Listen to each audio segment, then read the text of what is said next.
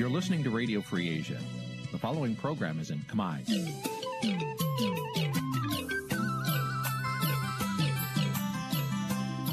នេះជាកម្មវិធីផ្សាយ Vuthu Azizi Serai នេះជាកម្មវិធីផ្សាយរបស់ Vuthu Azizi Serai ជាភាសាខ្មែរ Vuthu Azizi Serai សូមស្វាគមន៍លោកអ្នកនាងទាំងអស់ពីរដ្ឋធានី Washington នៃសហរដ្ឋអាមេរិក ពីរដ្ឋធានី Washington នាងខ្ញុំសុកជីវីសូមជម្រាបសួរលោកអ្នកនាងកញ្ញាដែលកំពុងតាមដានការផ្សាយរបស់ Vuthu Azizi Serai ទាំងអស់ជាទីមេត្រីចាស់យើងខ្ញុំសូមជូនកម្មវិធីផ្សាយសម្រាប់យប់ថ្ងៃអាទិត្យ7រោចខែមករា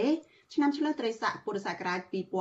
2565ចាប់ត្រូវនៅថ្ងៃទី26ខែធ្នូគ្រិស្តសករាជ2021ចាជាដំបូងនេះសូមអញ្ជើញលោកអ្នកនាងស្ដាប់ព័ត៌មានប្រចាំថ្ងៃដែលមានមេត្តាដូចតទៅ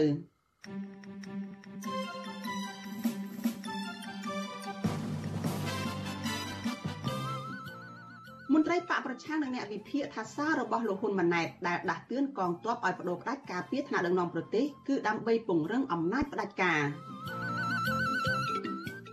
អាញាធរថៃបន្តចាប់ពលករខ្មែរជាច្រើនអ្នកបញ្ជូនត្រឡប់ទៅកម្ពុជាអំឡុងការរាតត្បាតជំងឺ Covid-19 បំផ្លែងខ្លួនថ្មី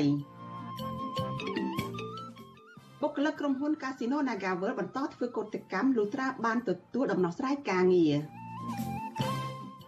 ពលរដ្ឋ7គ្រួសាររស់នៅលើកោះទុនសាយក្រុងកែបមិនរំពឹងថាក្រុមហ៊ុនទ្រីភិបជួយលើកកម្ពស់សេដ្ឋកិច្ចគ្រួសាររបស់ពួកគេឡើយ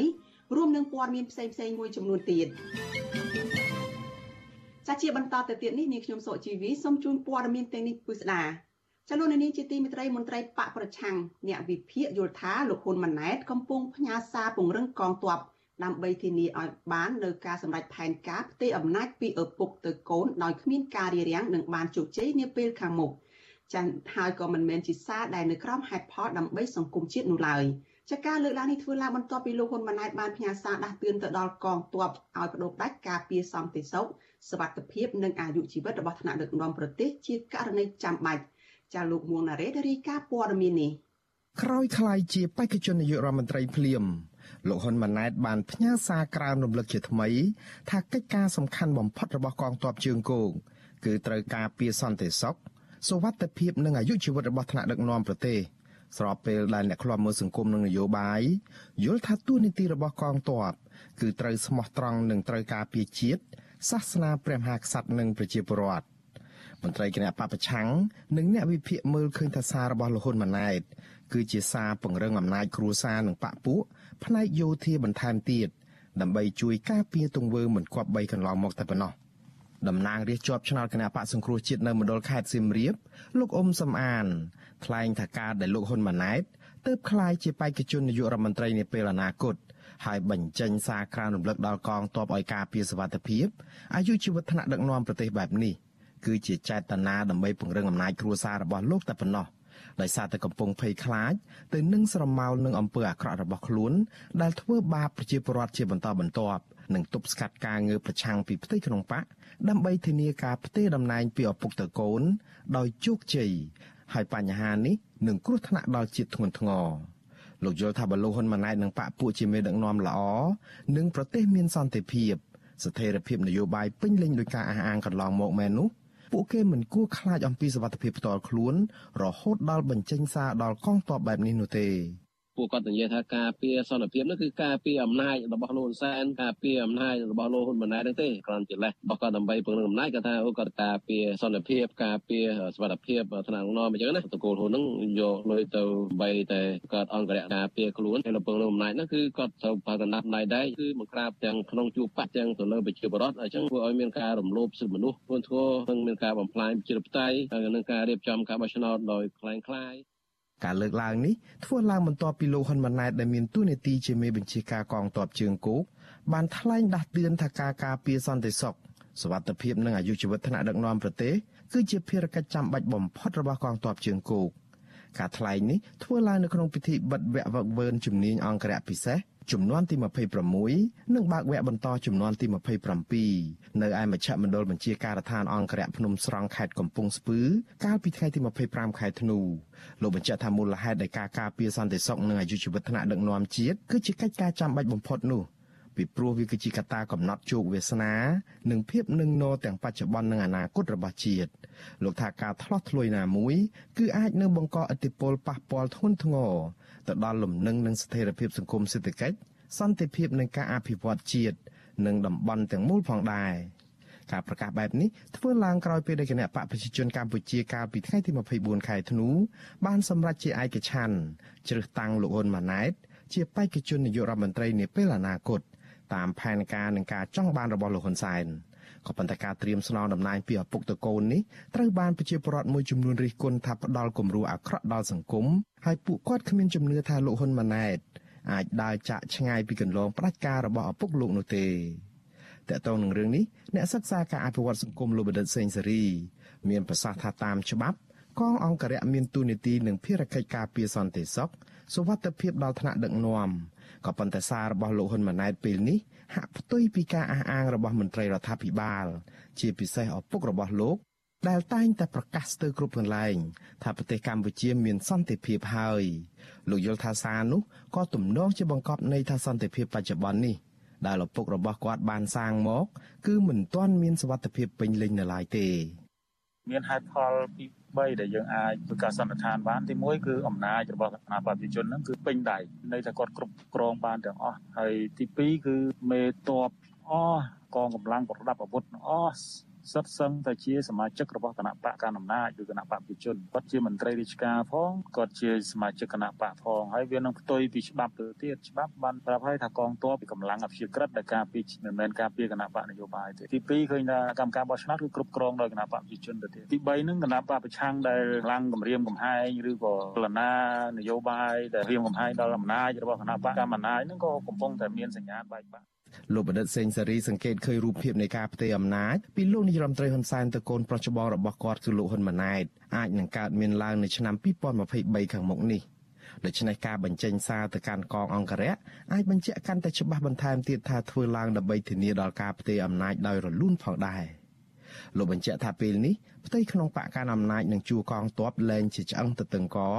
ដល់ផែនការផ្ទេរអំណាចរបស់លោកហ៊ុនសែនតទៅទៀតហើយ។ បើទោះបីជាយ៉ាងនេះក្តីលោកថាបើគណៈកម្មាធិការជាតិរៀបចំការបោះឆ្នោតឬក៏កោជបឯករាជ្យជំហានសំខាន់បំផុតគឺអាស្រ័យទៅលើប្រជាពលរដ្ឋម្ចាស់ឆ្នោតទៅវិញទេដែលជាអ្នកសម្រេចថាតើពួកគេគ្រប់គ្រងផែនការសំណងតំណែងពីឪពុកទៅកូននេះដែរឬយ៉ាងណាខ្ញុំបាទមុងណារ៉េត With you Asisari ពីរដ្ឋធានី Washington ចាលោកនាងកញ្ញាជាទីមេត្រីចាលោកអ្នកកំពុងតែតាមដានការផ្សាយរបស់វិទ្យុអាស៊ីសេរីចាផ្សាយចេញពីរដ្ឋធានី Washington សហរដ្ឋអាមេរិក ចានៅក្នុងរឿងនេះដែរចានៅពេលបន្តិចទៀតនេះចានេះខ្ញុំនឹងមានសម្ភារផ្ទាល់មួយជាមួយនឹងអ្នកវិភាគនយោបាយដែលភៀសខ្លួននៅក្រៅប្រទេសចាលោកគឺលោកកឹមសុខចាលោកនឹងចូលមកជជែកបន្ថែមអំពីរឿងនេះនៅពេលបន្តិចទៀតនេះ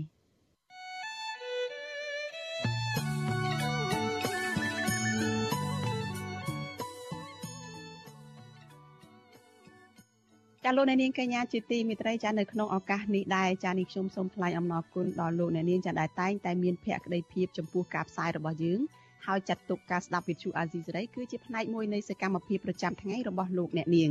ចាការគ្រប់គ្រងរបស់លោកអ្នកនាងនេះហើយដែលធ្វើឲ្យយើងខ្ញុំកាន់តែមានទឹកចិត្តនៅក្នុងការស្វែងរកព័ត៌មាននិងផ្សព្វផ្សាយព័ត៌មានជូនលោកអ្នកនាងបន្ថែមទៀតចាំមានអ្នកទស្សនានិងមានអ្នកតាមដានស្ដាប់កាន់តែច្រើនចាកាន់តែធ្វើយើងខ្ញុំ មានទឹកចិត្តក្លាហាននិងមោះមុតតទៅទៀតចាស់ជ្រាបក្នុងឱកាសនេះចានេះខ្ញុំសូមថ្លែងអំណរគុណលោកអ្នកនាងទុកជាមុនហើយក៏សូមអញ្ជើញលោកអ្នកនាងចាចូលរួមចំណែកនៅក្នុងការផ្សាយរបស់យើងនេះឲ្យកាន់តែជោគជ័យបន្ថែមទៀតចាលោកអ្នកនាងអាចជួយយើងខ្ញុំបានដោយគ្រាន់តែចុចចែករំលែកការផ្សាយរបស់វិទ្យុអាស៊ីសេរីដែលផ្សាយផ្ទាល់នៅលើបណ្ដាញសង្គម Facebook និង YouTube ចាទៅកាន់មិត្តភ័ក្តិរបស់លោកអ្នកនាងចាដើម្បីឲ្យការផ្សាយរបស់យើងនេះបានទៅដល់មនុស្សកាន់តែច្រើនចាសូមអរគុណ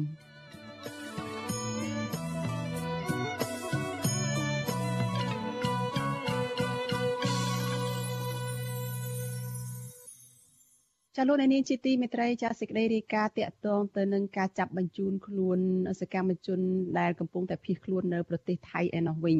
ចាអាញាធរថៃបន្តចាប់បញ្ជូនពលករខ្មែរជាច្រើនអ្នកដែលឆ្លងដែនទៅប្រទេសថៃដោយខុសច្បាប់ហើយឲ្យត្រឡប់មកកម្ពុជាវិញនៅតាមព្រំដែនខេត្តបាត់ដំបងនិងខេត្តបន្ទាយមានជ័យ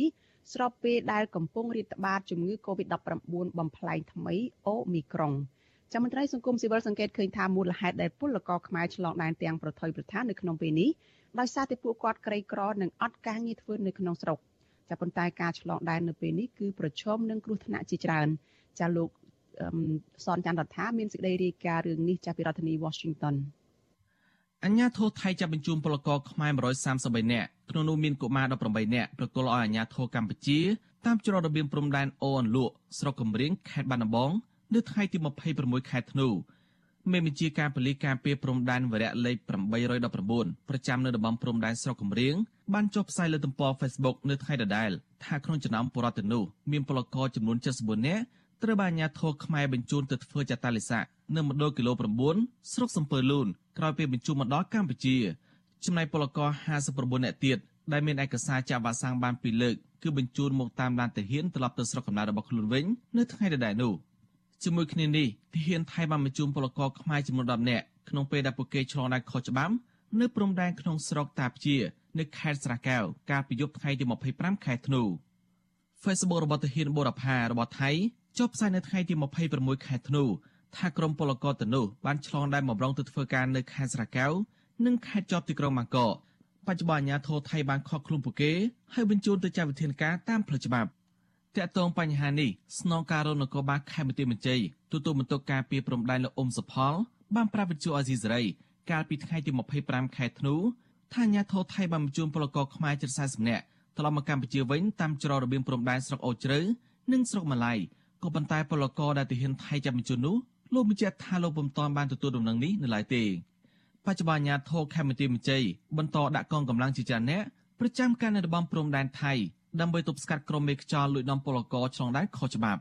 លោកបន្តថាចាប់តាំងពីខែមករាដល់ពេលនេះអាជ្ញាធរខេមរៈមន្ត្រីចាប់ក្រុមមេខ្យល់បាន66នាក់ហើយបានបញ្ជូនពួកគេទៅតុលាការចាត់វិធានការតាមផ្លូវច្បាប់ យើងទៅតាំងហើយយើងតែវានៅតែលួចចេញលួចចូលពេលយើងឆ្លប់ប្រហោងបន្តិចទូចនឹងគឺនឹងចេញតាមផ្លូវណាហើយតាមណាយើងអត់ដឹងទេបងអើយសួរទៅក៏អត់ដឹងថាតាមផ្លូវណាដែរមិនមែនទេបងអើយក៏អាអ្នកនិយាយនិយាយបានហើយប៉ុន្តែសមត្ថកិច្ចយើងនឹងគឺមិនបានដេកបាននៅទេបងបាទទាំងយប់ទាំងថ្ងៃប៉ុន្តែវាពេលអ្នកភូមិនៅតាមភូមិបាញ់ពុជយកចេញយកចូលអាហ្នឹងយើងមើលគង់យើងចាប់បានច្រើនណាស់មេខ្យល់បានស្ងាត់ដល់ប៉ុណ្ណឹងណា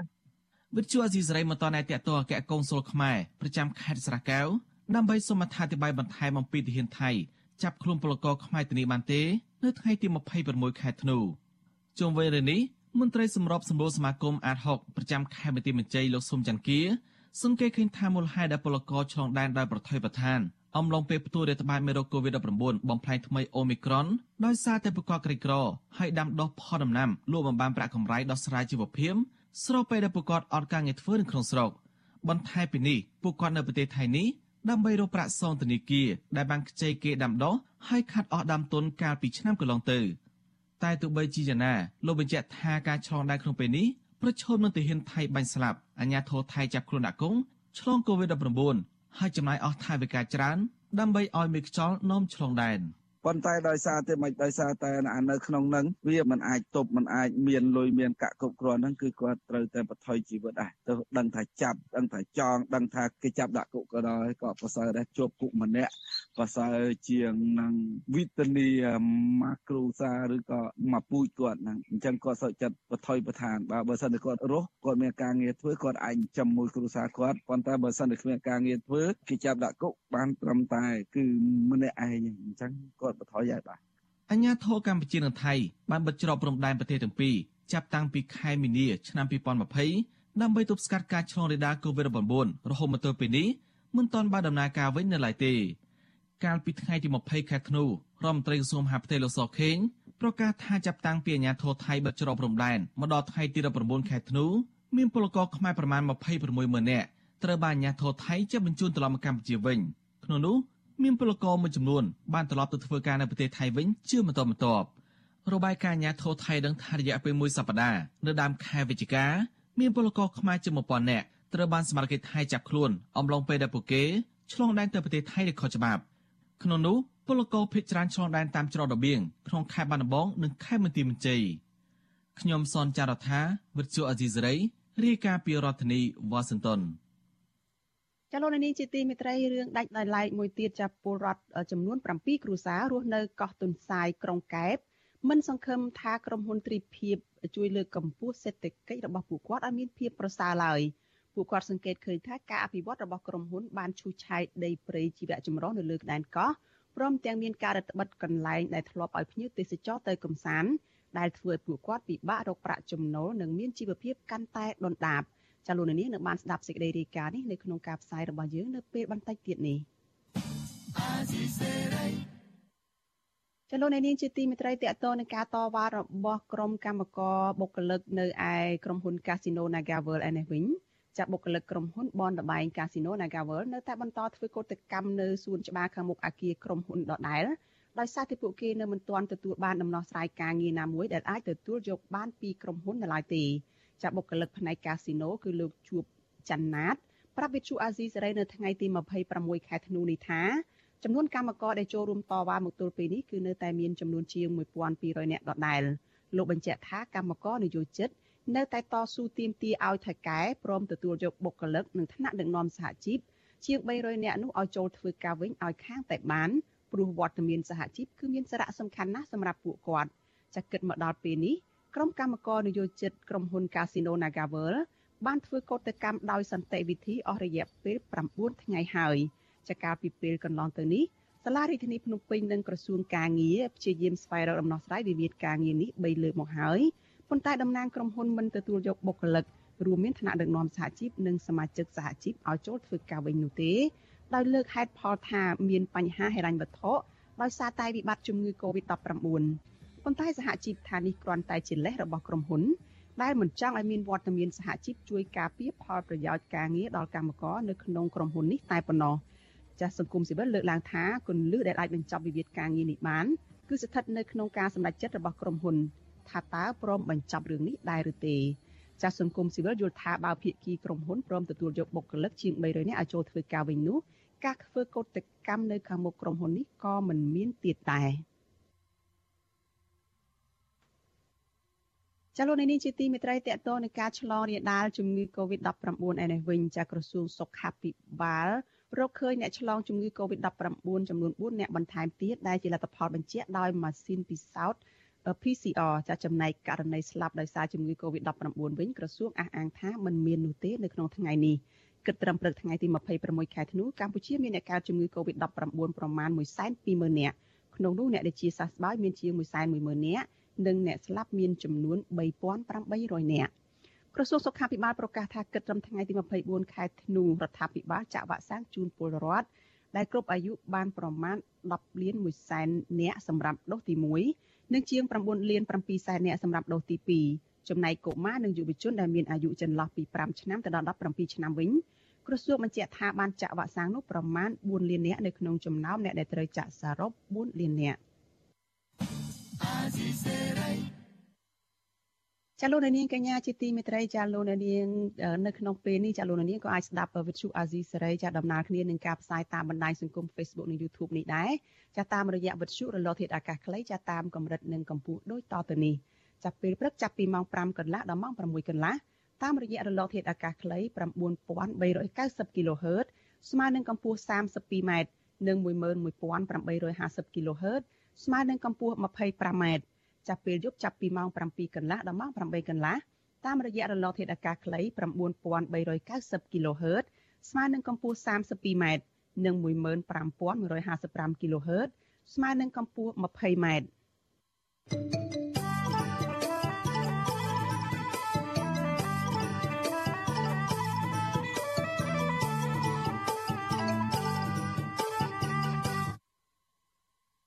លោកលានកញ្ញាប្រិមិត្តជាទីមេត្រីចាតកតងទៅនឹងរឿងរ៉ាវបាត់ប្រេងឆៅនៅកម្ពុជាឯនេះវិញចាអ្នកធ្វើការផ្នែកបរិស្ថាននិងសង្គមស៊ីវិលជំរុញទៅរដ្ឋាភិបាលឲ្យពន្លឿនការចរចាដើម្បីនាំយកប្រេងឆៅមកកម្ពុជាវិញខណៈសំណុំរឿងនេះបានអូសបន្លាយជិត3ខែមកហើយចាឆ្លើយតបនឹងការលើកឡើងនេះមន្ត្រីរដ្ឋាភិបាលនិយាយថាសំណុំរឿងនេះមានភាពស្មុគស្មាញដែលប្រើពេលយូរដើម្បីអាចយកប្រេងនោះមកកម្ពុជាវិញបានចាសសូមស្ដាប់សេចក្តីរាយការណ៍របស់លោកទីនសការីយ៉ាអំពីរឿងនេះ គិតមកទល់ពេលនេះប្រេងឆៅកម្ពុជាជិត30ម៉ឺនធុងមានតម្លៃលើសពី20លានដុល្លារដែលត្រូវបាននាវាឈ្មោះ Strovolos ដឹកចេញពីកម្ពុជានោះមិនទាន់មានតម្រុយណាមួយថានឹងអាចបញ្ជូនមកកម្ពុជាវិញក្នុងពេលណាប្រកាសនៅឡើយទេចំណែកឯព័ត៌មាននៃការវិវត្តឬការចរចារវាងរដ្ឋាភិបាលកម្ពុជានិងឥណ្ឌូនេស៊ីនោះក៏រដ្ឋាភិបាលមិនទាន់បង្ហើបឲ្យដឹងនោះដែរសកម្មជនបរិស្ថានកញ្ញាភួនកែវរស្មីដែលធ្លាប់ជាប់ពន្ធនាគារប្រកិច្ចការពីបរិស្ថានលើកឡើងថា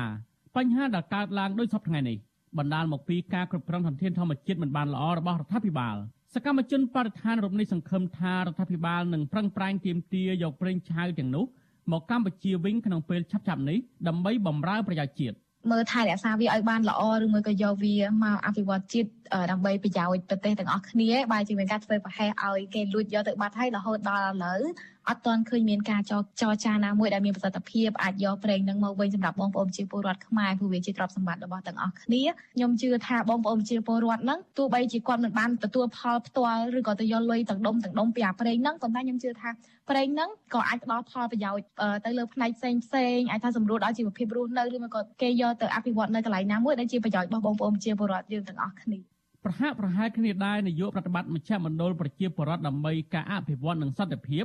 លោកយងកំឯងព្រួយបារម្ភថាប្រេងឆៅនេះអាចនឹងត្រូវបាត់បង់បើនៅតែអស់បន្លាយពេលវេលារាប់ខែបែបនេះលោកជំរិញទៅរដ្ឋាភិបាលឲ្យបង្ហាញពីកិច្ចខិតខំប្រឹងប្រែងរបស់ខ្លួនក្នុងការទាមទារប្រេងឆៅយកមកវិញ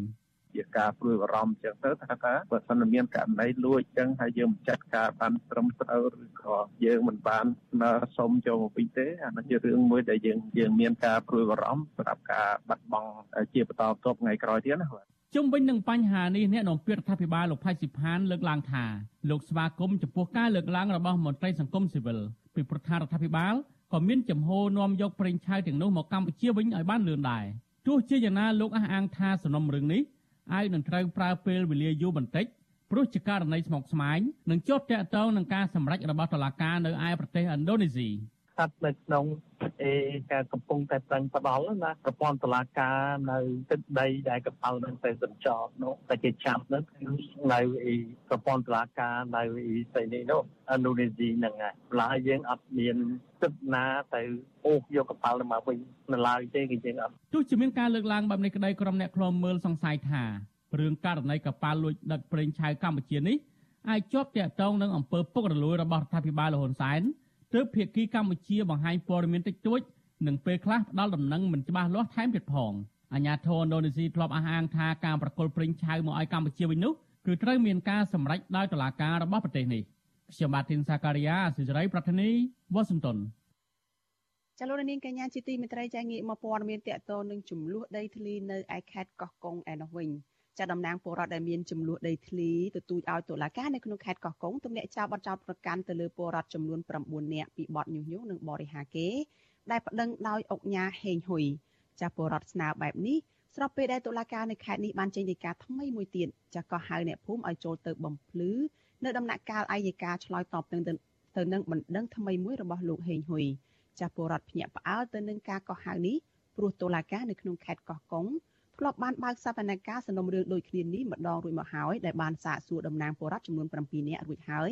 កាលពីថ្ងៃទី24ខែវិច្ឆិកាចាស់ហើយនៅសល់ប្រជាតំណាងពលរដ្ឋចំនួន2នាក់ទៀតដែលត្រូវតុលាការក៏ហៅនៅពេលក្រោយទៀតចាត់តូសូមទស្សនាវីដេអូមួយអំពីរឿងនេះដូចតទៅពួកខ្ញុំជាជនរងគ្រោះបាត់បង់ដីធ្លីខ្ញុំមិនមែនជាជនបរិហាគេព្រោះខ្ញុំជាជនរងគ្រោះអាហើយវាផ្លាត់អីខ្ញុំពិតប្រកបមែនខ្ញុំឆ្លាតំ ណាងពលរដ្ឋដែលត្រូវតុលាការកោះហៅលោកស្រីអិនធូសម្រាប់ចិត្តដាក់ពាក្យពន្យាពេលចូលទៅតុលាការដោយសារលោកស្រីមិនទាន់មានមេធាវីការពារព្រះរាជអាជ្ញារងនៃតំណាងអัยការអមស្ដារដំងខេត្តកោះកុងលោកខុនភឿងបង្គាប់ឲ្យតំណាងពលរដ្ឋ197គ្រួសារអ្នកស្រីដេតហួរចូលទៅបំភ្លឺចំពោះតុលាការនៅថ្ងៃទី22ខែធ្នូ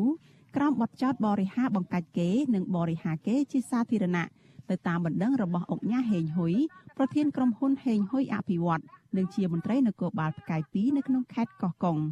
បាទទោះជាយ៉ាងណាតុលាការខេត្តកោះកុងបានបើកសវនកម្មជំនុំជម្រះរឿងក្តីដូចគ្នានេះម្ដងរួចមកហើយកាលពីថ្ងៃទី24ខែវិច្ឆិកាដោយមានជនជាប់ចោត9នាក់រួមទាំងលោកស្រីដេតហួរផងតំណាងពលរដ្ឋដែលតុលាការបានសាកសួរនៅតែអះអាងថា ពួកគេពុំបានប្រព្រឹត្តដោយការចោទប្រកាន់របស់លោកហេងហ៊ុយទេ តំណាងពលរដ្ឋម្នាក់លោកស្រីអិនធូថ្លែងថាពលរដ្ឋតែងតែចេញតវ៉ារឿងដីធ្លីដែលក្រុមហ៊ុនរបស់លោកហេងហ៊ុយបានរំលោភយកអស់ជាច្រើនឆ្នាំមកហើយគឺពុំដែលបរិហាគេឬក៏ញុះញង់អ្វីទេតំណាងពលរដ្ឋរូបនេះស្នើសុំតុលាការស្វែងរកការពិតផ្ដល់យុត្តិធម៌ដល់ពលរដ្ឋអូននាងខ្ញុំជាជនរងគ្រោះគ្រោះបាត់បង់ដីធ្លីរាល់សប្តាហ៍ថ្ងៃនេះនាងខ្ញុំគ្មានស្រែធ្វើធ្វើគេទេ អត់មានស្រែសុតហ្មងព្រោះលោកអញ្ញាហ៊ីងហួយយកដីនាងខ្ញុំអស់ហើយហើយជាលើកចុងក្រោយនេះនាងខ្ញុំសូមចំណាំពរឲ្យលោកចៅក្រមនិងកលាមជីនិងព្រះអញ្ញាសូមគាត់រយុទ្ធធម៌និងតលការចោតប្រកាន់ហើយនឹងដោះស្រាយដីធ្លីឲ្យបានជោគជ័យឲ្យប្រជាប្រដ្ឋប្រជាប្រដ្ឋជាជនរងគ្រោះពិតប្រាកដមែនកុំឲ្យរំអៀងទៅលើអ្នកមានលុយមានអំណាចដោះស្រាយឲ្យប្រជាប្រដ្ឋចាស់បាទបាទបាទមកតិចទៀតបាទមកតិចទៀតបាទ តំណាងម្នាក់ទៀតលោកស្រីដេតហួររំលឹកថាក្នុងសវនកម្មរយៈពេលជាង4ម៉ោងកន្លះនោះចៅក្រមបានសាកសួរផ្ដោតទៅលើសកម្មភាពរបស់ពួកគាត់ដែលបានដើរតវ៉ារកដំណោះស្រាយដីធ្លីតាក់ទងនឹងចំនួនជាមួយក្រុមហ៊ុនហេងហ៊ុយលោកស្រីចាត់ទុកសវនកម្មនេះថាជាការដាក់គំនាបនិងបំបាក់ស្មារតីប្រជាពលរដ្ឋឲ្យឈប់ចេញតវ៉ារកដំណោះស្រាយរឿងវិវាទដីធ្លីជាមួយនឹងក្រុមហ៊ុនតទៅទៀត ខ្ញុំសូមឲ្យតុលាការកាត់ក្តីយុទ្ធធរឲ្យខ្ញុំសូមឲ្យតុលាការកាត់ក្តីជឿជាក់លើប្រជាពលរដ្ឋកំពុងតែរស់នៅលើទឹកដីខ្លួនឯងដូចជាភូមិតានីអញ្ចឹងសូមឲ្យគាត់កាត់ក្តីត្រឹមត្រូវហើយជំនុំជម្រះតៅក្រមម្ដងទៀតឲ្យបានឆ្នះដោយសារតែប្រជាពលរដ្ឋយើងបាត់បង់ដីប្រជាពលរដ្ឋយើងអត់បានអឺគៀងកោដឹកនាំ ជាបរដ្ឋយើងប្រសិទ្ធយ៉ាងគេគឺតំណាងយើងអត់បានគៀងកងដឹកនាំប្រជាពលរដ្ឋណាមកតវ៉ានោះទេចាហើយខ្ញុំក្នុងនាមខ្ញុំសូមសំណូមពរឲ្យតុលាការនិងព្រះរាជអាជ្ញានិងចៅក្រមកុំចោតកុំជាយាមចោតកាន់ទៅលើរូបនាងខ្ញុំសូមឲ្យជឿពាក្យសម្ដីនាងខ្ញុំនិងជឿជឿពាក្យសម្ដីប្រជាពលរដ្ឋដែលគាត់កំពុងតែបាត់បង់ដីពិតប្រាកដចា៎ ប្រាក់ឲ្យលោកទៀតដែរអែមក្រុមមើលថាជំមើបាក់មិនទេយើងដឹងទៅលឿនណាស់ណាស់ណាស់ដល់លួចទៅកាលពីរសៀលថ្ងៃទី24ខែវិច្ឆិកាពលរដ្ឋរាប់រយនាក់មកពីសហគមន៍មានចំនួនដីធ្លីចំនួន7នៅក្នុងខេត្តកោះកុងបានប្រមូលផ្ដុំគ្នាឃ្លាំមើលដំណើរការសាកសួរតំណាងពលរដ្ឋទាំង9នាក់ពួកគេទាមទារឲ្យតុលាការទម្លាក់ចោលបទចោទទាំងអស់និងបានដាក់បណ្ដាសាដល់អ្នកដែលរំលោភយកដីធ្លីរបស់ពួកគេ។ ឲ្យឡាប់ផ្ទះបាញ់កណ្ដាលហើយតោះឲ្យពួកវែងចាក់ឲ្យជិះឡានឲ្យឡានកងឿក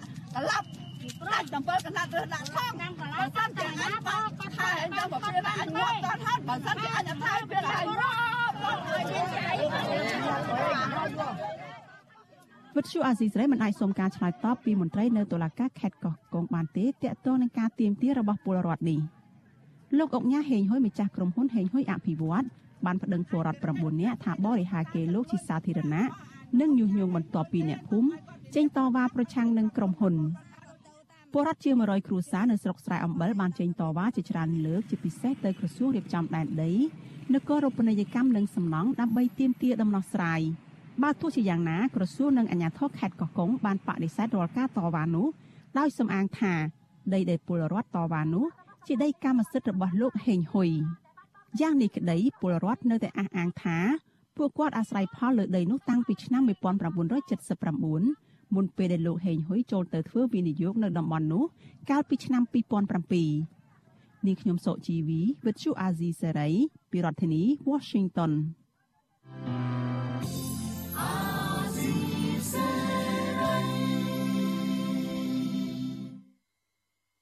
ចាលោកនាងកញ្ញាជាទីមេត្រីចាលោកអ្នកកំពុងតែតាមដានការផ្សាយរបស់វិទ្យុអាស៊ីសេរីចាប់ផ្សាយចេញពីរដ្ឋធានី Washington សហរដ្ឋអាមេរិកចាអ្នកខ្លំមើលសង្គមនិងអ្នកវិភាគនយោបាយមិនរំពឹងថានៅក្នុងឆ្នាំថ្មីគឺឆ្នាំ2022ខាងមុខនេះកម្ពុជានឹងមានរឿងរ៉ាវល្អល្អឬមានដំណោះស្រាយនយោបាយថ្មីទៅតាមឆ្នាំដែលនាំឲ្យពលរដ្ឋទទួលបានភាពកក់ក្ដៅសុខកាយសប្បាយចិត្តនោះឡើយផ្ទុយទៅវិញ កម្ពុជានឹងកើតមានវិបត្តិជាច្រើនដែលត្រូវប្រឈមមុខដោះស្រាយដោយលំបាកនៅក្នុងឆ្នាំថ្មីនេះតើតើវិបត្តិទាំងនោះរួមមានបញ្ហាអ្វីខ្លះចាលោកសិចបណ្ឌិតរាយការណ៍ពិស្ដារជុំវិញបញ្ហានេះដូចតទៅអ្នកឃ្លាំមើលសង្គមនិងនយោបាយសោកស្ដាយដែលថ្នាក់ដឹកនាំប្រទេសឬអ្នកនយោបាយមិនអាចនាំសេចក្តីសុខក្សេមក្សាន្តជូនដល់ជាតិមាតុភូមិនិងប្រជាពលរដ្ឋរបស់ខ្លួនឲ្យបានដូចពាក្យថា ឆ្នាំថ្មី មានសេរីសួស្តី មានជ័យជំនះថ្មីនោះឡើយលើសពីនេះពួកគាត់មើលឃើញទៀតថាទាំងមន្ត្រីនិងប្រជាពលរដ្ឋត្រូវវិច្ចស្ពាយវិបត្តិពីឆ្នាំចាស់មកដោះស្រាយនៅឆ្នាំថ្មីហើយនឹងមានបូកថែមនៅវិបត្តិថ្មីថែមទៀតសម្រាប់ឆ្នាំ2022ព្រះដេចគុណបុត្របន្ទិញស្ថាបនិកបណ្ដាញព្រះសង្ឃឯករាជ្យដើម្បីយុទ្ធធម៌សង្គមមានធរណីកាថា ឆ្នាំថ្មី គឺថ្មីតែឆ្នាំទេ ចំណែករឿងរ៉ាវអវិជ្ជមាន ឬសមិទ្ធផលនានាដែលថ្មី ដែលគួរឲ្យអបអរសាទរនោះនឹងមិនមានទេផ្ទុយទៅវិញប្រតិជនថានឹងមានរឿងរ៉ាវអវិជ្ជមានថ្មី3ថែមទៀតនឹងអាចកើតមាននៅក្នុងឆ្នាំថ្មីនោះរឿងថ្មីទី1គឺនៅដើមឆ្នាំ2022នោះតែម្ដងលោកនាយករដ្ឋមន្ត្រីហ៊ុនសែនដែលគេផ្ដល់រហ័សនាមថាបរោះសង្ហាដើរបញ្ច្រាស់ទិសក្នុងនាមជាប្រធានអាស៊ានផង បានត្រៀមដំណើរទស្សនកិច្ចទៅកាន់ប្រទេសភូមាឬមីយ៉ាន់ម៉ាដែលធ្វើឲ្យមានការរិះគន់ច្រើននិងនាំឲ្យមានការប្រមាថមើលងាយបន្ថែមទៀតផងនោះនឹងធ្វើឲ្យប៉ះពាល់ដល់កេរ្តិ៍ឈ្មោះកម្ពុជា និងអាស៊ានផងដែរចំណែករឿងរ៉ាវអវិជ្ជមានថ្មីទី2គឺការបោះឆ្នោតក្រុមប្រឹក្សាគុំសង្កាត់នៅឆ្នាំ2022ដែលនឹងមានគណៈបកច្រើនចូលរួមក៏ប៉ុន្តែគុណភាពឬអធិបុលនៃមេដឹកនាំគណៈបកទាំងនោះ มันអាចប្រគល់ប្រជែងយកឈ្នះគណៈបកកណ្ដាលអំណាចបានឡើយហើយការបោះឆ្នោត2022នឹងវាអវិជ្ជមានចំពោះប្រជាពលរដ្ឋខ្មែរហើយវាមានប្រយោជន៍ចំពោះអ្នកធ្វើនយោបាយដែលរត់ដោយទេសចរឬក៏ហៅថាអ្នកដែលបង្កើតទីផ្សារគណៈបកនយោបាយហ្នឹងគឺពួកគាត់ត្រូវប៉ាន់ណាគាត់បានទទួលផលពីក្រមអ្នកមានអំណាចខ្លះយ៉ាងទៅ គាត់បានទទួលផលពីប្រជាពលរដ្ឋដែលចង់បានការផ្លាស់ប្ដូរខ្លះទៅគាត់បានទទួលផលពីក្រមទុច្ចរិតខ្លះទៅព្រោះគេបើជំរុញឲ្យគាត់ធ្វើដើម្បីបង្ហាញការបែកបាក់នៅក្នុងសង្គមកម្ពុជាព្រះដេចគុណបុត្របន្ទិញមានធរណីកាបន្តថាក្នុងឆ្នាំ2022អាចមានរឿងអាក្រក់ធំមួយចំនួនទៀតដែលមិនធ្លាប់មានតាំងពីសម័យពុទ្ធកាលរហូតដល់សម័យបច្ចុប្បន្នកាលនោះគឺការបង្កើតច្បាប់ថ្មីមួយដើម្បីគ្រប់គ្រងតម្លៃសាសនា ដែលនឹងមានការដាក់ទោសដល់អ្នកបួសណា ដែលហ៊ានចូលរួមនៅក្នុងសកម្មភាពនយោបាយឬការចូលរួមធ្វើបាតុកម្មឬតស៊ូមតិដើម្បីប្រយោជន៍អ្វីមួយ ដើម្បីសង្គមជាតិឬសហគមន៍ក៏ដោយអ្នកប៊ូណាដែលចូលរួមសកម្មភាពនយោបាយនឹងចាប់ទៅប្តឹងទៀតទូរហូតដល់7ទៅ5ទៅ10ឆ្នាំដែលវាអត់មានតាំងពីសម័យពុទ្ធកាលរហូតមកដល់បច្ចុប្បន្នទើបតែកើតមាន ត្រៀមនឹងកើតមាននៅក្នុងឆ្នាំ2022ហើយក្នុងសម័យដែលមានបរោះសង្ហាខ្លាំងតែឈ្មោះប៉ុនរស់អាសោចគេបូនឹងដិតមកមើលឃើញរដ្ឋាភិបាលក្រសួងធម្មការនិងសាសនា បានរៀបចំធ្វើសេចក្តីព្រាងច្បាប់ស្តីអំពីសាសនានេះឡើង តាំងពីឆ្នាំ2013មកម្លេះក៏ប៉ុន្តែទើបនឹងលេចចេញជារូបរាងច្បាស់នៅចុងឆ្នាំ2021មន្ត្រីសិទ្ធិមនុស្សនិងព្រះសង្ឃយល់ស្របគ្នា ថាខ្លឹមសារនៃសេចក្តីព្រាងច្បាប់ស្តីអំពីសាសនានោះដែលកំណត់ទោសទណ្ឌរហូតដល់ដាក់គុកព្រះសង្ឃឬអ្នកបួសដែលទៅចូលរួមធ្វើបាតកម្មដោយអហិង្សារហូតរាប់សិបឆ្នាំនោះ គឺមានចរិតនយោបាយនិងមិនបានបំរើដល់ផលប្រយោជន៍សាសនានិងការលើកស្ទួយសិទ្ធិមនុស្សឡើយដោយឡែកអ្នកសិក្សាស្រាវជ្រាវផ្នែកភូមិសាស្ត្រនយោបាយលោកវ៉ាន់បូណាមើលឃើញថា កម្ពុជានឹងមិនមានអ្វីប្រែប្រួលធំដុំនោះទេ នៅឆ្នាំ2022ក៏ប៉ុន្តែលោកបារម្ភថាកម្ពុជាអាចផុងខ្លួនជ្រៅចូលទៅក្នុងភូមិសាស្ត្រនយោបាយរបស់មហាអំណាចចិនសម្រាប់ឆ្នាំ2022ហ្នឹង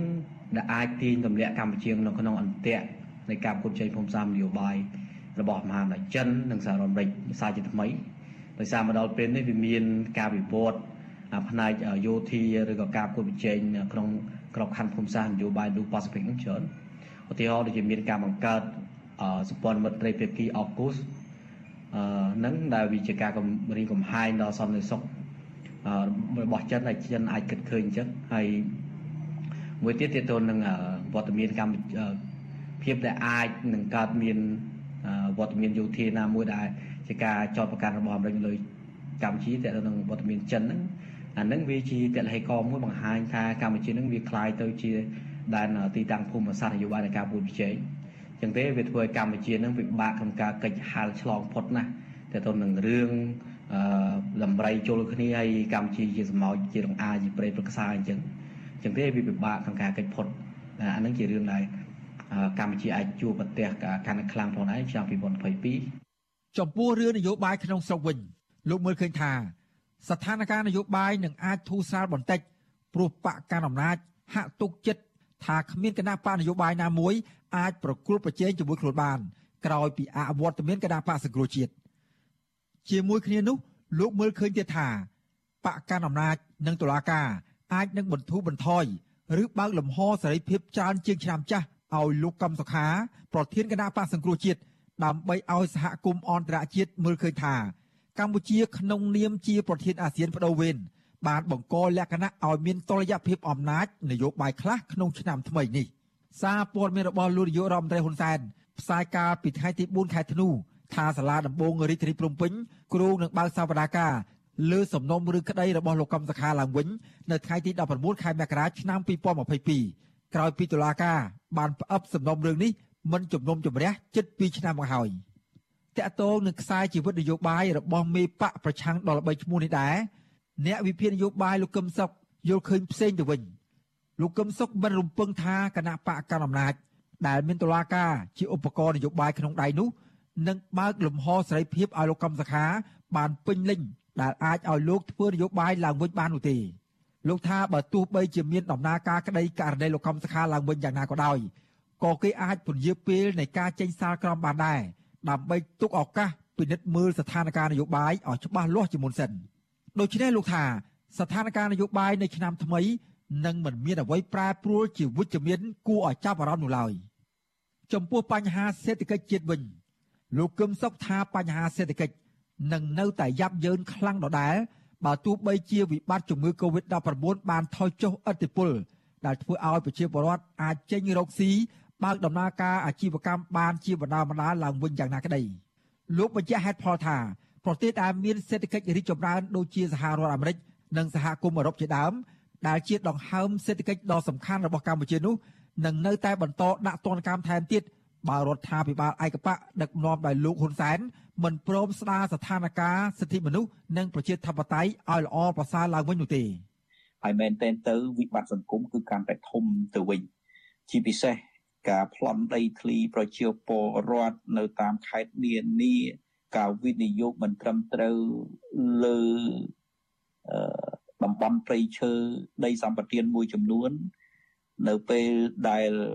វិបត្តិនយោបាយកាន់តែខ្លាំងគឺពួកគេកាន់តែសង្កត់ប្រជាពលរដ្ឋពីព្រោះទាំងអស់នោះសុទ្ធតែជារូបភាពនៃការលាងលុយកខ្វក់ផងហើយពាក់ព័ន្ធទៅនឹងការបំផ្លាញធនធានធម្មជាតិដើម្បីប្រមូលលុយ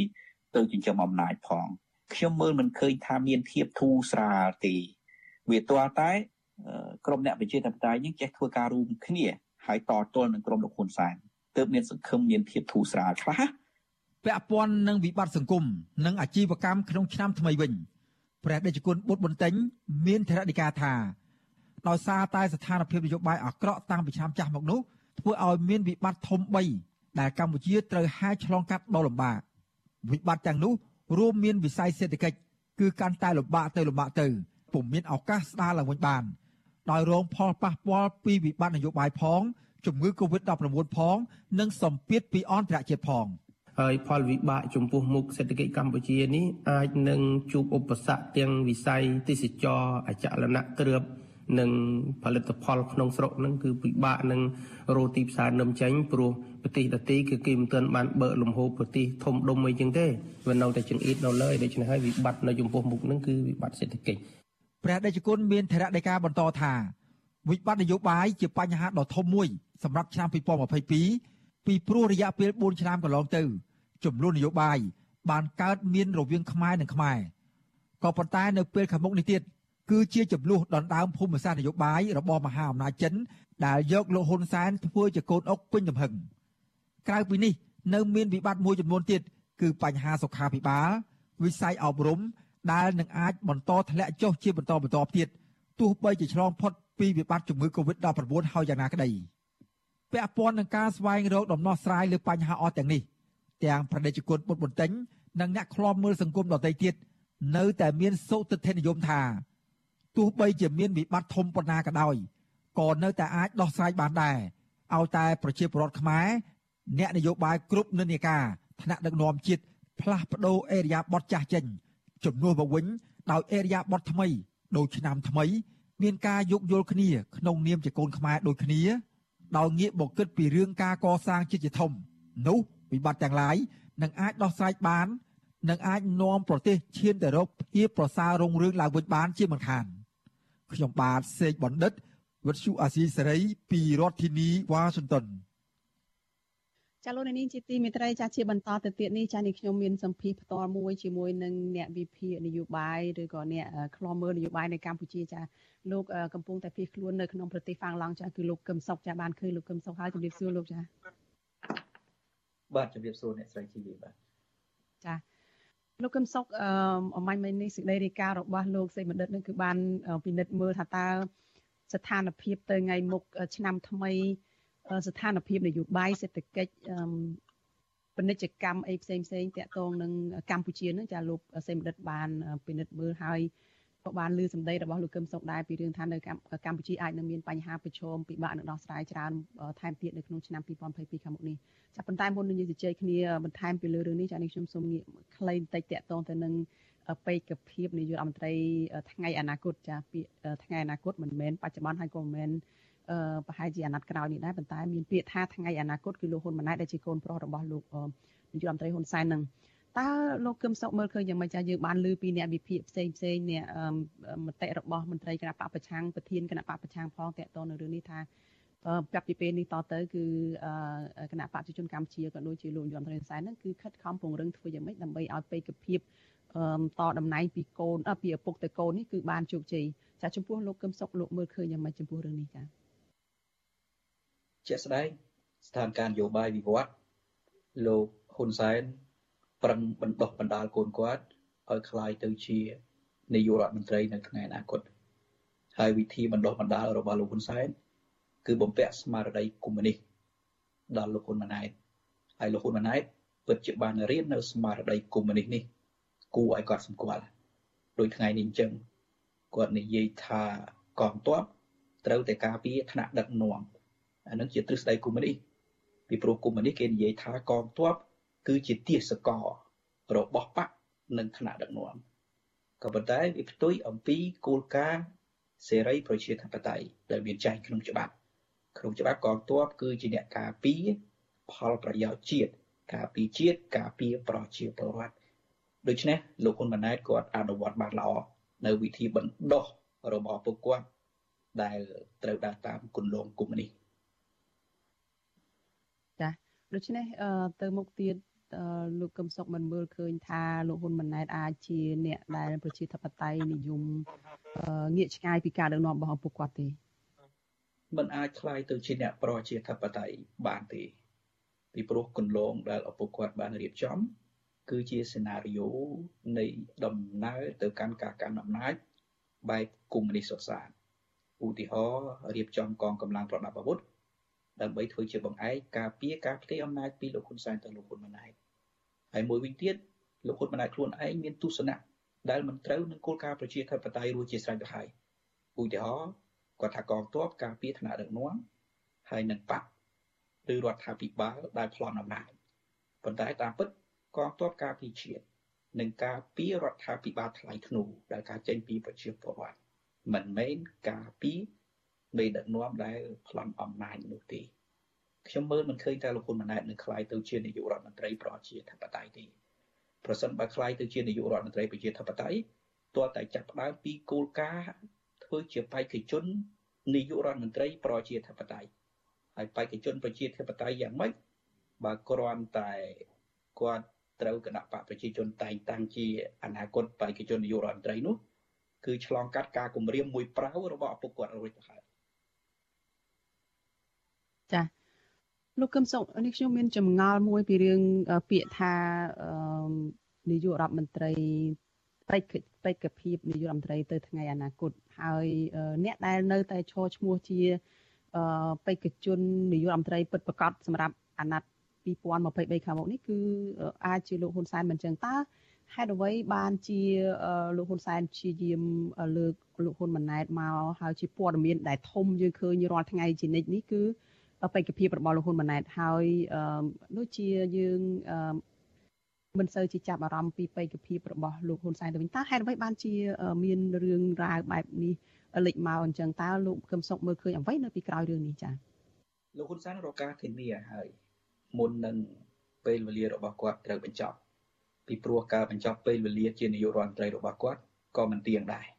មិនទៀងទី1ដោយសារសុខភាពរបស់គាត់ មិនទៀងទី2ដោយសារស្ថានភាពផ្ទៃក្នុងជាតិផងស្ថានភាពពីសង្កត់ពីសហគមន៍អន្តរជាតិផងហើយមិនទៀងទី3គឺផ្ទៃក្នុងរបស់គណៈបកប្រជាជនកម្ពុជាក៏មិនប្រកាសថានឹងសบายចិត្តនឹងតំណែងនាយករដ្ឋមន្ត្រីរបស់លោកហ៊ុនសែនផងម្ល៉េះហើយលោកហ៊ុនសែនត្រូវតែរកការធានាមុនឲ្យហើយសង្កត់ផ្ទៃក្នុងឲ្យទទួលយកលោកហ៊ុនម៉ាណែតជាបេក្ខជននាយករដ្ឋមន្ត្រីនៅពេលអនាគត បេក្ខជននាយករដ្ឋមន្ត្រីនៅពេលអនាគតរបស់លោកហ៊ុនម៉ាណែតនេះគឺមានន័យស្មើថាលោកហ៊ុនម៉ាណែតត្រូវទៅជំនួសលោកហ៊ុនសែនក្នុងកលៈទេសៈណាដែលលោកហ៊ុនសែនធ្វើការជានាយករដ្ឋមន្ត្រីលែងកើតគឺជាការព្យាយាមកំណត់នៅគោលការណ៍ផ្ទៃក្នុងគណៈបកប្រជាជនកម្ពុជាឲ្យហើយថាត្រូវតែទទួលយកលោកហ៊ុនម៉ាណែតហើយខ្ញុំឃើញបេក្ខជនហ៊ុនម៉ាណែតនេះគឺជាបេក្ខជនដែលអន់បំផុតក្នុងការទៅធ្វើជា បេក្ខភាពនាយករដ្ឋមន្ត្រីរបស់គណៈបកកណ្ដាលអំណាចមួយអន់នៅត្រង់ថាលោកហ៊ុនសែនបើទោះបីជាគាត់ធ្វើអក្រិតកម្មកម្រិតណាក៏ដោយដើម្បីក្លាយទៅជានាយករដ្ឋមន្ត្រីក៏គឺក៏គាត់ធ្វើដោយដៃគាត់ដែរក៏ប៉ុន្តែលោកហ៊ុនម៉ាណែតគឺឪពុកគាត់រៀបចំឲ្យទាំងអស់រៀបចំទាំងកងទ័ពការពាររៀបចំទាំងការសម្រួលផ្ទៃក្នុងហើយរៀបចំទាំងនាំមេដឹកនាំយួនឲ្យទៅហូបបាយដើម្បីប្រថាប់ត្រាជូនលោកហ៊ុនម៉ាណែតទៀត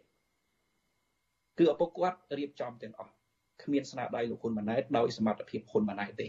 ខ្ញុំចង់បញ្ជាក់ថាហ៊ុនសែនបើទោះបីជាគាត់ឡើងដោយអំពើអក្រិតកម្មយ៉ាងណាក៏គាត់ធ្វើដោយស្នាដៃគាត់ដែរចាអឺលោកកឹមសុខកន្លងមកហ្នឹងលោកតែងតែរិះគន់លោកញោមត្រេនសែនហ្នឹងគឺមិនសំចៃមាត់ទេតែឥឡូវនេះនៅពេលដែលមានបេក្ខភាពកូនប្រុសរបស់លោកមកទៀតលោកនៅតែបន្តរិះគន់អឺ បេក្ខភាពរបស់លោកហ៊ុនម៉ាណែតនឹងទៀតតើចំពោះលោកលោកអឺមើលឃើញថាយ៉ាងម៉េចជាអឺជាការដែលធ្វើឲ្យកម្ពុជាខាត់បងប្រយោជន៍ឬក៏វាមានផលប៉ះពាល់អីយ៉ាងម៉េចរឿងនេះចា៎មិនមែនព្រោះបកគលហ៊ុនសែនក៏មិនមែនព្រោះបកគលហ៊ុនម៉ាណែតដែរប៉ុន្តែបំណងរបស់ខ្ញុំក៏ដូចជាបំណងរបស់ប្រជាពលរដ្ឋខ្មែរទូទាំងប្រទេសចង់បាននាយករដ្ឋមន្ត្រីកម្ពុជាមួយដែលកើតចេញពីការបោះឆ្នោតដោយប្រជាពលរដ្ឋ ហើយបេក្ខជននាយករដ្ឋមន្ត្រីបែបនេះក៏គួរតែកើតចេញពីការបោះឆ្នោតត្រឹមត្រូវពីបករបស់ខ្លួនដែរហើយលោកហ៊ុនម៉ាណែតផ្ដើមចេញពីការបោះឆ្នោតតាមបែបគម្រាមផ្ទៃក្នុងបករបស់លោកហ៊ុនសែនគម្រាមសក់ខេគម្រាមទាបាញ់គម្រាមម៉ែនសំអនបន្ទាប់ពីការគម្រាមសម្រួលឲ្យលោកហ៊ុនម៉ាណែតទៅជាបេក្ខជននាយករដ្ឋមន្ត្រីអនាគតរបស់គណៈបកប្រជាជនកម្ពុជាដូច្នេះផ្ដើមចេញពីការប្លន់អំណាចផ្ទៃក្នុងទៅហើយមេដឹកនាំអនាគតម្នាក់ ដែលផ្ដើមចេញពីផ្លាកការប្លន់អំណាចផ្ទៃក្នុងទៅហើយតើអ្នកណាអាចទុកចិត្តបានថាអ្នកនឹងមិនប្លន់អំណាចផ្ទៃក្នុងជាតិខ្លាយទៅជានាយករដ្ឋមន្ត្រីហើយបុគ្គលម្នាក់ដែលប្លន់អំណាចគ្រប់ដំណាក់កាលអ្នកណាក៏អាចធានាថាមនុស្សនឹងស្រឡាញ់ជាតិគិតជាតិរបស់ខ្លួននោះទាំងទ្រឹស្ដីទាំងសកម្មភាពហើយទាំងសេណារីយ៉ូនៃផែនការរបស់លោកហ៊ុនម៉ាណែតគឺអាចคล้ายទៅជានាយករដ្ឋមន្ត្រីដោយសារតែការប្លន់អំណាចតាំងពីផ្ទៃក្នុងដល់ផ្ទៃក្នុងជាតិ ផ្ទៃក្នុងបកដល់ផ្ទៃក្នុងជាតិដូច្នេះវាមិនមែនជារឿងបុគ្គលហ៊ុនសែនឬបុគ្គលហ៊ុនម៉ាណែតទេក៏ប៉ុន្តែជារឿងដែលយើងចង់បាននាយករដ្ឋមន្ត្រីនៃប្រទេសកម្ពុជាមួយដែលប្រជាពលរដ្ឋគ្រប់គ្រងចាលោកកឹមសុខអមាញ់មិញលោកកឹមសុខក៏បានលើកឡើងដែរពីរឿងថាអឺលោកយមត្រៃហ៊ុនសែនគឺបានការធានារួចទៅហើយនៅក្នុងផ្ទៃក្នុងបកអឺនៅពេលដែលដាក់បេក្ខភាពលោកហ៊ុនម៉ាណែតនេះពីព្រោះថាមានអឺ ការជួយជ្រោមជ្រែងពីមានរងនាំវៀតណាមផងហើយនឹងដូចយើងបានឃើញអញ្ចឹងថាពេលដែលប្រធានាធិបតីវៀតណាមមកទស្សនកិច្ចនៅកម្ពុជានឹងមានកិច្ចព្រមព្រៀងមានការព្រមព្រៀងគ្នានឹងច្រើនចំណុចណាស់ដែលយើងអាចនិយាយបានថានេះគឺជាជាការវិវត្តថ្មីមួយទៀតសម្រាប់នយោបាយនៅកម្ពុជានៅពេលដែលមានដាក់បេក្ខភាពលោកហ៊ុនម៉ាណែតនេះតើលោកកឹមសុខមើលឃើញយ៉ាងម៉េចចាចាប់ពីពេលនេះតទៅនៅពេលដែលលោកលើកឡើងថា មានភាគីវៀតណាមជួយជ្រោមជ្រែងបេក្ខភាពលោកហ៊ុនម៉ាណែតនេះហើយតើវៀតណាមនឹងធ្វើអ្វីទៀតនឹងបានប្រយោជន៍អ្វីខ្លះពីកម្ពុជាជាថ្នូរទៅនឹងការដែលជួយជ្រោមជ្រែងបេក្ខភាពនាយរដ្ឋមន្ត្រីថ្មីនៅពេលនេះចា៎យើងពិបាកដឹងច្បាស់ថាវៀតណាមនឹងធ្វើអ្វីខ្លះខ្លាំងណាស់ក៏ប៉ុន្តែអ្វីដែលយើងអាចដឹងបានវៀតណាមមិនបោះបង់បំណងនិងគោលដៅរបស់គេក្នុងការបំបាច់បំបាក់កម្ពុជាកណ្ដាលទេ គេត្រូវតែគ្រប់គ្រងកម្ពុជាកណ្ដាលឲ្យបានពីព្រោះបើគេគ្រប់គ្រងកម្ពុជាកណ្ដាលមិនបាន ផលប្រយោជន៍ពីកម្ពុជាកណ្ដាលក៏វៀតណាមត្រូវខាតបង់ពីកម្ពុជាហើយប្រសិនបើកម្ពុជាកណ្ដាលនេះមានកម្លាំងគ្រប់គ្រាន់វៀតណាមក៏បារម្ភអំពីការទៀមទាកោះត្រល់និងចលនានៃការដែលកម្ពុជាក្រោមចង់ឲ្យមានឯករាជ្យភាពអធិបតេយ្យភាព ដែលទឹកដីនោះគ្រប់គ្រងដោយខ្មែរដូច្នេះរឿងទាំងអស់ហ្នឹងគឺវៀតណាមបារម្ភខ្លាំងណាស់ការបារម្ភរបស់វៀតណាមគឺត្រូវតែគ្រប់គ្រងកម្ពុជាកណ្ដាលឲ្យបានយើងពិបាកដឹងថាវៀតណាមនឹងធ្វើអ្វីខ្លះក៏ប៉ុន្តែ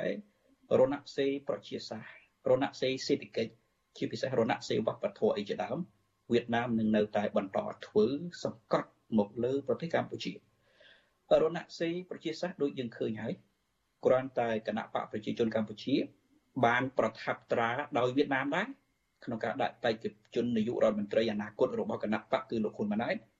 ងៀនសួនហ្វុកបានបោះសម្ដីមួយទៅហើយ គឺជាវិញ្ញាសាដែលហ៊ុនម៉ាណែតត្រូវអនុវត្តហើយងៀនស៊ុនហ្វុកថាកម្ពុជា នៅកម្ពុជាគ្មានសហគមន៍ណា ដែលជួបប្រទះការលំបាកជាងជនជាតិវៀតណាមនោះទេដូច្នេះនេះជាប្រធានបទ ដែលដាក់ចំមុខលោកហ៊ុនម៉ាណែតប្រសិនបើលោកហ៊ុនម៉ាណែតត្រូវការកម្លាំងរបស់វៀតណាមក្នុងការទៅកាន់អំណាចគឺហ៊ុនម៉ាណែតត្រូវតែធ្វើនៅរឿងហ្នឹងឲ្យវៀតណាមនៅកម្ពុជាសប្បាយចិត្តដូច្នេះនេះគឺជាការអនុវត្តរណសេរីប្រជាសាស្ត្រមួយ ដែលសារនយោបាយរបស់មេដឹកនាំរដ្ឋវៀតណាមច្បាស់លាស់ណាស់ក្រោយអំពីការតែងតាំងហ៊ុនម៉ាណែតជាអនាគតនាយករដ្ឋមន្ត្រីរបស់ប្រទេសកម្ពុជា សូមទោសអនាគតនាយករដ្ឋមន្ត្រីរបស់គណៈបកប្រជាជនកម្ពុជាដែលក៏នឹងអាចคล้ายទៅជាអនាគតនាយករដ្ឋមន្ត្រីរបស់ប្រទេសកម្ពុជាហើយរឿងសេដ្ឋកិច្ចជាតិសោតយើងមើលឃើញហើយតាំងពីតំបន់ត្រីកោណតាំងពីនៅតាមកោះនានាអឺដីសម្បត្តិសេដ្ឋកិច្ចដីសម្បត្តិសង្គមគិច្ចដីសម្បត្តិក្នុងឈ្មោះវៀតណាមក្រុមហ៊ុនវៀតណាមឥឡូវនឹងជិត30ម៉ឺនហិកតាហើយហើយ ដីសម្បត្តិក្នុងឈ្មោះក្រុមហ៊ុនខ្មែរខ្មែរខ្លះយើងដឹងស្រាប់ខ្មែរនឹងនិយាយវៀតណាមមិនចង់ច្បាស់ផងរហូតដល់ជិត1លានហិកតាហើយហើយមហាតា2នាក់វៀតណាមនៅកម្ពុជានេះគឺជាអ្វីដែលងៀនស៊ូនហ្វុកបានដាក់ចំមុខហ៊ុនសែននឹងដាក់ចំមុខហ៊ុនម៉ាណែតឲ្យត្រូវតែព្យាយាមអនុវត្តឲ្យបាននៅអ្វីដែលជាផែនការរបស់វៀតណាមហើយមួយវិញទៀតណាវប្បធម៌គឺរណសេរីដែលវៀតណាម នឹងបណ្ដោះនៅលើប្រទេសកម្ពុជា នៅក្នុងប្រព័ន្ធនៃការអប់រំកម្ពុជាឥឡូវគេមានផែនការនឹងស្នើឲ្យប្រព័ន្ធអប់រំកម្ពុជាដាក់បញ្ចូលនៅភាសាវៀតណាមក្នុងការសិក្សាទៅទៀតក៏ប៉ុន្តែវាមិនទាន់ចេញជាផ្លូវការប៉ុន្តែមុននឹងចេញជាផ្លូវការគេរៀនច្រៀងបាត់ហើយកងទ័ពដែលក្រោមការគ្រប់គ្រងរបស់ហ៊ុនម៉ាណែតរៀនជាវៀតណាមក្រោមកងទ័ពវៀតណាមរៀនរៀនច្រៀងខ្មែរ ហើយទៅច្រៀងជាមួយគ្នាត្រហឹងអឹងកងជប់លៀងជាប្រចាំនេះជាអ្វីដែលជាការពង្ពួករបស់វៀតណាមហើយដំណើរនេះវានឹងជំរុញកាន់តែខ្លាំងនៅក្រោមការដឹកនាំរបស់លោកហ៊ុនម៉ាណែតទៅថ្ងៃអនាគតប្រសិនបើគាត់ខ្លាយទៅជានាយករដ្ឋមន្ត្រីហើយត្រូវការនៅអំណាចបង្អែករបស់វៀតណាមដើម្បីឈរជើងឲ្យនឹងបានយូរចា លោកកឹមសុខអឺនេះខ្ញុំបានសម្ភាសមន្ត្រីគណៈបកសង្គ្រោះជាតិជាតំណាងរាស្ត្រដែលជាប់ឆ្នោតលោកអ៊ុំសំអានលោកអ៊ុំសំអានបារម្ភពីចំណុចមួយទៀតដែលពាក់ព័ន្ធទៅនឹងបូរណភាពទឹកដីកម្ពុជា ការបោះបង្គោលព្រំដែនលើសពីអ្វីដែលលោកកឹមសុខបានលើកឡើងមកនេះគឺកម្ពុជានឹងជំរុញឲ្យមានការបោះបង្គោលព្រំដែនដែលនៅសល់16%ហ្នឹងឲ្យចប់សពគ្រប់ទៅ បន្ទាប់មកទៀតហ្នឹងក៏ចាប់ផ្ដើមធ្វើឲ្យមានការជជែកគ្នាឬក៏ការបន្តការងាររកមធ្យោបាយបញ្ចប់បញ្ហានៅឯដែនទឹកទៅទៀតបានន័យថាអាចនឹងមានការកំណត់បែងចែកព្រំដែនរវាងប្រទេសទាំងពីរនៅថ្ងៃមុខនឹងចំពោះលោកកឹមសុខវិញតើលោកមើលឃើញយ៉ាងណាចំណុចនេះតើកម្ពុជានឹង អាចថានឹងព្រមព្រៀងអីដោយសារតែលោកអ៊ុំសំអានលោកបារម្ភថាកម្ពុជាអាចនឹងបាត់ដីបន្តទៀតអីចឹងទៅតើអាចមានរឿងនឹងកើតឡើងទេចា៎រឿងទឹកដីព្រំដែនវៀតណាមគេដឹងថាគេជោគជ័យស្ទើរតែ100%ទៅហើយគេលែងស្រូវបារម្ភអំពីរឿងហ្នឹងទៅហើយពីព្រោះថែមទីក៏គេកែខុសពីរដ្ឋធម្មនុញ្ញនៃប្រទេសកម្ពុជាក៏កែរួចទៅហើយដែរការបោះបង្គោលព្រំដែនក៏គេបោះចិត្តចាប់ទៅហើយដែរដូច្នេះវៀតណាម ដូចជាមិនបារម្ភច្រើនពេកទេ ទៅលើការរំលោភទឹកដីប្រទេសកម្ពុជាតាមវិធីបោះបង្គោលនោះក៏ប៉ុន្តែតកតងនឹងការបោះបង្គោលនេះអ្វីដែលខ្ញុំបារម្ភបំផុតរឿងមួយទេវៀតណាមគេមានផែនការនៅក្នុងការការពារជាតិរបស់គេច្បាស់ណាស់ហើយផែនការក្នុងការរំលោភបំពានរបស់គេក៏ច្បាស់ដែរចូលមកក្នុងប្រទេសកម្ពុជាពេលដែលគេបោះបង្គោលម្ដងម្ដង គេតែងតែឲ្យប្រជាពលរដ្ឋគេទៅមើលគេឲ្យអាជ្ញាធររបស់គេតាមខេត្តនីមួយៗដែលមានការបោះបង្គោលលំទៅមើលជាពិសេសបំផុតយើងមិនសូវចាប់អារម្មណ៍ទេក៏ប៉ុន្តែខ្ញុំយល់ថាវាជាគន្លឹះធំមួយរបស់វៀតណាមគឺគេតែងតែឲ្យសិស្សានុសិស្សក្មេងក្មេងរបស់គេទៅមើលទោះបីជាការបោះបង្គោលនោះបោះដោយរបៀបណាក៏ដោយបោះដោយខ្មែរយល់ព្រម ដោះបោះដោយខ្មែរមិនយល់ព្រមក៏ដោយហេតុអ្វីបានជាគេធ្វើបែបនេះនេះពីព្រោះវៀតណាមគេយល់ច្បាស់ណាស់ថាវិធីការពារព្រំដែនគឺសំខាន់ជាងគេបំផុតសាក់សីរស់នៅតាមព្រំដែនហើយសាក់សីនេះហើយដែលគេព្យាយាមបង្កើតឬបណ្ដុះជាផ្នត់គំនិតឲ្យមានស័ក្តិសិទ្ធិកាន់តែច្រើនគឺគេឲ្យក្មេងៗសិស្សានុសិស្សរបស់គេទៅមើលបង្គោលព្រំដែននេះថ្ងៃក្រោយ នៅពេលដែលកម្ពុជាចង់តវ៉ាថាបង្គោលហ្នឹងអត់ត្រឹមត្រូវទេខ្សែបន្ទាត់ហ្នឹងអត់ត្រឹមត្រូវទេគឺមានជនជាតិវៀតណាមកាន់តែច្រើនដែលបច្ចុប្បន្នគឺជាក្មេងៗហ្នឹងគេថាតាំងពីគេកើតមកគេឃើញបង្គោលហ្នឹងទៅធំហ្នឹងមិនឯងថាមិនត្រឹមត្រូវនេះទីចំណុចដែលពិបាកបំផុតសម្រាប់ខ្មែរណាហើយមួយវិញទៀតរឿងបោះបង្គោលនឹងទៀតសោតវៀតណាម មិនមែនបោះបង្គោលនៅត្រង់ហ្នឹងហើយមិនប្រកាសថាបង្គោលនៅត្រង់ហ្នឹងរហូតទេល្បិចរបស់វៀតណាមបង្គោលនឹងចេះដើរទៅទៀតប៉ុន្តែខ្មែរយើងក្នុងពេលបច្ចុប្បន្នពេលដែលបោះបង្គោលហើយសូម្បីតែជនជាតិខ្មែរសូមទៅមើលអត់ឲ្យទៅមើលទៀតដូច្នេះយើងបាត់អីបាត់មូលដ្ឋាននៃស្មារតីការពារជាតិឲ្យប្រជាពលរដ្ឋការពារព្រំដែនដល់ប្រជាពលរដ្ឋនេះជារឿងដែលខ្ញុំបារម្ភបំផុតអំពីការបោះបង្គោលព្រំដែនជួនកាលបោះ ថ្ងៃហ្នឹងកន្លែងហ្នឹងហើយក៏ប៉ុន្តែវៀតណាមគេរំកិលទៀតគេរំកិលហើយគេឲ្យគ្នាគេទៅមើលប៉ុន្តែយើងអត់បានឲ្យគ្នាយើងទៅមើលទេអត់ឲ្យបានខ្មែរទៅមើលទេអត់ឲ្យសិស្សានុសិស្សទៅមើលទេទៅមើលសពងទៀតនេះគឺជាករណីដែលខ្ញុំបារម្ភបំផុតអំពីការបោះបង្គោលក៏ប៉ុន្តែរឿងបច្ចុប្បន្នវៀតណាមគឺព្យាយាមគ្រប់គ្រងកម្ពុជាមិនមែនតាមវិធីបោះបង្គោលព្រំដែននឹងទៀតទេគេដើរដល់ចំណុចធ្វើរណសេរីប្រជាសាស្ត្រឲ្យដល់កម្រិតកម្ពុជា រណសេរីសេដ្ឋកិច្ចឲ្យដល់កម្រិតកម្ពុជានិងរណសេរីវប្បធម៌ឲ្យដល់កម្រិតកម្ពុជាពីព្រោះវៀតណាមគេដឹងថាវិធីបោះបង្គោលមិនអាចយកកម្ពុជាទាំងមូលបានទេក៏ប៉ុន្តែបើប្រជាជនគេច្រើនជាងប្រជាជនខ្មែរនៅលើទឹកដីកម្ពុជាគេអាចយកកម្ពុជាទាំងមូលបានម្ល៉េះហើយចំណុចសំខាន់នៃបញ្ហានៅកម្ពុជាតាក់ទងទៅនឹងការរំលោភបំពានរបស់វៀតណាមនេះគឺប្រជាពលរដ្ឋខ្មែរគួរផ្ដោតអារម្មណ៍ផ្ដោតអារម្មណ៍អំពីជនអន្តោប្រវេសន៍បែបនិគមជនខុសច្បាប់ របស់វៀតណាមនៅលើទឹកដីកម្ពុជាចាអរគុណច្រើនលោកកឹមសុខចាដែលបានឆ្លៀតពេលដែលលោកចប់រវល់ហើយនៅតែមកចូលរួមកិច្ចពិភាក្សារបស់យើងនៅយប់នេះចាអរគុណជំរាបលាលោកត្រឹមប៉ុណ្ណេះហើយជូនពរលោកសុខភាពល្អចាបាទអរគុណច្រើនជំរាបលាបាទចាលោកនាងកញ្ញាជាទីមេត្រីចាប្រជាពលរដ្ឋ7គ្រួសាររស់នៅកោះទុនសាយក្រុងកែបមិនសង្ឃឹមថាក្រុមហ៊ុនទ្រីភិបទ្រីភិប Group ជួយលើកកម្ពស់សេដ្ឋកិច្ចរបស់ពួកគាត់ឲ្យមានភាពប្រសើរឡើយចាពួកគាត់សង្កេតឃើញថា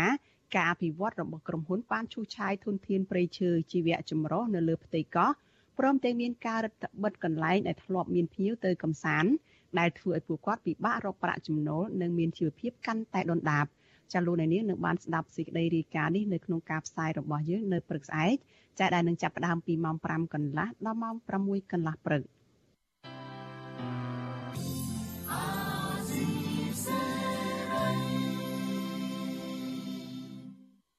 ចាលោកនាងកញ្ញាជាទីមេត្រីចាការផ្សាយរយៈពេល1ម៉ោងរបស់វិទ្យុអាស៊ីសេរីនៅយប់នេះចាចាប់ត្រឹមតែប៉ុណ្ណេះចានេះខ្ញុំសុជីវីព្រមទាំងក្រុមការងារទាំងអស់នៃវិទ្យុអាស៊ីសេរីចាសូមជូនពរដល់លោកនាងកញ្ញានិងក្រុមគ្រួសារទាំងអស់ចាឲ្យជួបប្រកបតែនឹងសេចក្តីសុខចម្រើនរុងរឿងកុំបីឃ្លៀងឃ្លាតឡើយចានេះខ្ញុំសូមអរគុណនិងសូមជម្រាបលា